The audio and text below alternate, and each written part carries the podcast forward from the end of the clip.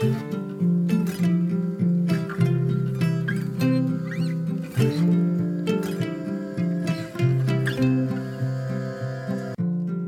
och välkommen till For Health med Anna Sparre. Idag blir det ett avsnitt om läckande tarm, tarmpermeabilitet och ämnet sonulin och vilka tillskott kan hjälpa till att läka en läckande tarm. Idag får du lyssna på Dr. David Brady, en riktig kändis inom funktionsmedicin och nutrition, särskilt när det kommer till tarmfloran och dess koppling till hälsa och sjukdom. Om du gillar det här avsnittet blir jag jätteglad om du vill dela det på Facebook, Instagram eller till en vän. Och gå in och lämna din recension i iTunes. Tack på förhand! Jag påminner dig om att det bästa från podcasten finns i skriftligt format som e-böcker. Du kan ladda ner dem på forhealth.se under fliken böcker.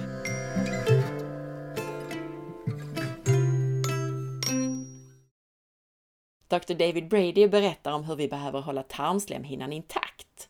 Han tar upp det som jag brukar betona, att för att utveckla autoimmunitet behöver du ha en kombination av tre saker. Du behöver en trigger, du behöver genetiska anlag och ökad tarmpermeabilitet. Han berättar om proteinet sonulin och hur det påverkar tarmpermeabiliteten och hur sonulin drivs av dysbios, en rubbad tarmflora. Han kommer också in på flera andra parametrar i tarmen, såsom kalprotektin, betaglukuronidas med mera. Och faktorer som till exempel stress som kan påverka tarmpermeabiliteten. We have to keep the small intestine and the large intestine mucosal healthy as well, because the intestinal barriers are very important to keep all this mess away from your systemic immune response. Um, Alessio Fasano, which I'm sure most of you are aware of with his work in, in celiac disease, really brought this concept of leaky gut to back to Western medicine. It was mainly something that us functional medicine docs were talking about for decades. I remember Jeff Bland first hearing him talk about it 28 years ago, I think. You know, so but now it's real because you know it, it's in because the guy at Harvard's talking about it, right? But he talks about this triad of autoimmune disease where you need an environmental trigger. We've been talking about bacterial triggers in the gut. We've talked about food trigger. He's he's into food triggers because he's a celiac researcher, right? You need the trigger. You need the individual immune susceptibility. So in the case of, once again, celiac, he's looking at HLA DQ2, HLA DQ8, um, but you also need the leaky gut. You need the translation of this phenomena through to the systemic um, immune response. So he says this is the triad of autoimmune disease. You have to have all three. You have to have a trigger, you have to have genetic propensity, you have to have leaky gut. Fasano's point is it's often hard to find all the triggers, to know what they are, and to avoid them. In celiac, we know what it is. It's gluten. Gluten's not easy to totally avoid for people. It's not. Okay? It's just not. We're a bunch of nutritionists. We look at it differently. The average person, telling them to not eat gluten again, you know, might as well tell them to jump off a building. Right? I don't like that. So you can't change the genes, but we can change the leaky gut.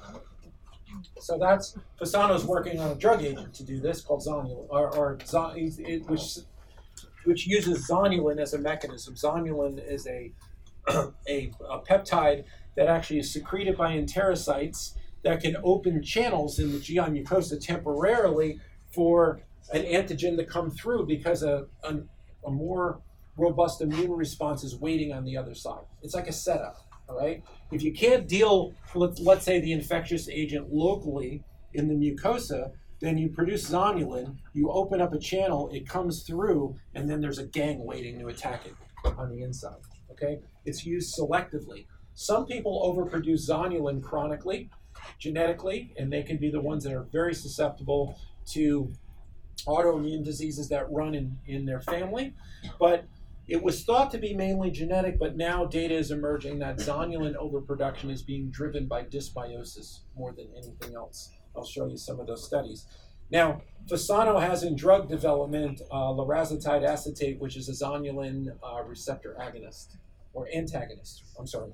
So it hits the zonulin receptor and blocks it, so the channels don't open. Okay. So when this is approved in the United States, where we have pharmaceutical advertising on television, that's allowed. I'm not sure if it is here, but I wish it wasn't, but it is. Um, leaky gut over there will instantly go from being this crazy thing that these functional medicine docs talk about to being the biggest, most popular thing in the media, right? Because there'll be television commercials uh, every 30 seconds on it. That's my prediction.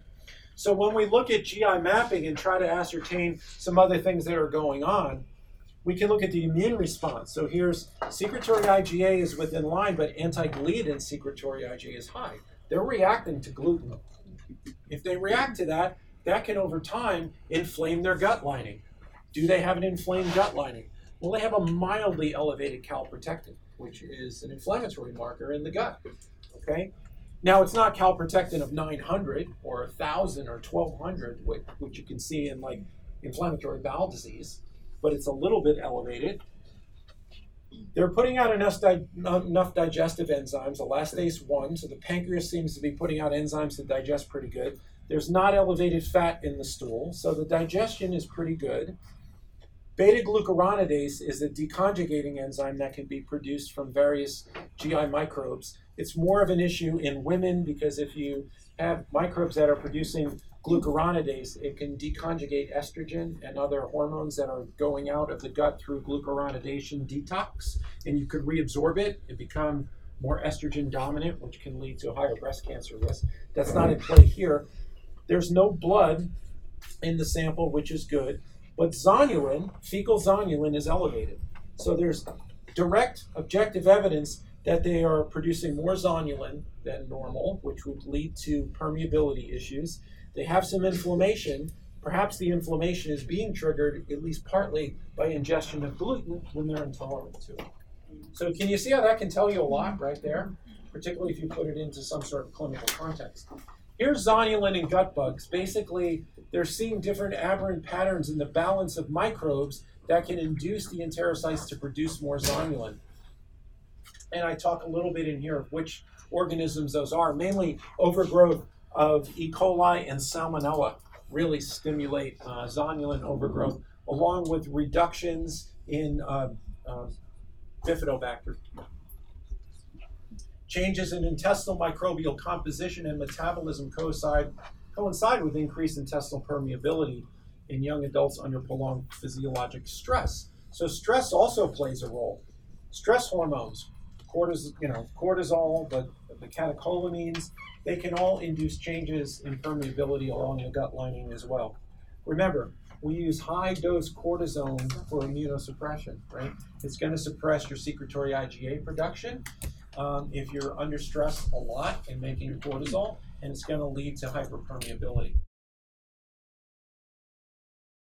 Brady berättar om olika örter och andra tillskott som kan hjälpa till att reducera permeabiliteten i tarmen. So this is some reparative agents that we use for the gut lining to treat leaky gut. You have a lot of glutamine. We know that glutamine feeds the enterocytes, very healthy for them. But what you see in here is something like N-acetylglucosamine, another blocking agent. It's a mucopolysaccharide. It's not glucosamine sulfate for joints, but it's a mucopolysaccharide. It's similar. N-acetylglucosamine. Um, PepZin GI is a zinc carnosine dimer that's protective to the GI mucosa. It's also anti-H. pylori. But then you see a bunch of botanicals in here. Deglycerized licorice, aloe vera, slippery elm, marshmallow, chamomile, okra, cat's claw. What is similar? What is the commonality between all of these? They're slimy. They're gooey, right? Aloe, you rub it on sunburns, right? Because it's gooey. Now, even in the name, uh, slippery elm, right? If you cook okra, you get that snotty, like slimy stuff. It's mucopolysaccharides. These are mucinolate, mucin-based herbs, right? Mucilaginous herbs, I think they used to call them old school, right? So everyone thought the slimy, snotty stuff coats the lining of the gut and lets it heal. That's not how it works. Maybe a little of that's going on. It's not how they work. They work in a much cooler way. And they use these things even now in things like multiple sclerosis and inflammatory bowel disease. This, these are clinical trials on um, N-acetylglucosamine. And what they show is these mucopolysaccharides actually get, they form branches and they form a lattice on the cell surfaces, particularly the immune cells, that block the antigen antibodies from docking together and causing immune proliferation. So here it is in a picture. If you have an activated immune cell, right, or you're this is a cell you're trying to activate, you're activating it by the antigen presenting cell presenting the antigen. It has to dock into the T cell that's been primed, right? So it docks, and then you get a runaway immune response. If you take these mucilaginous botanicals and N-acetylglucosamine and things like that, it gums up, it gets in here. So it bounces off. It won't dock. And if they won't dock like a lock and a key, you don't get immune proliferation.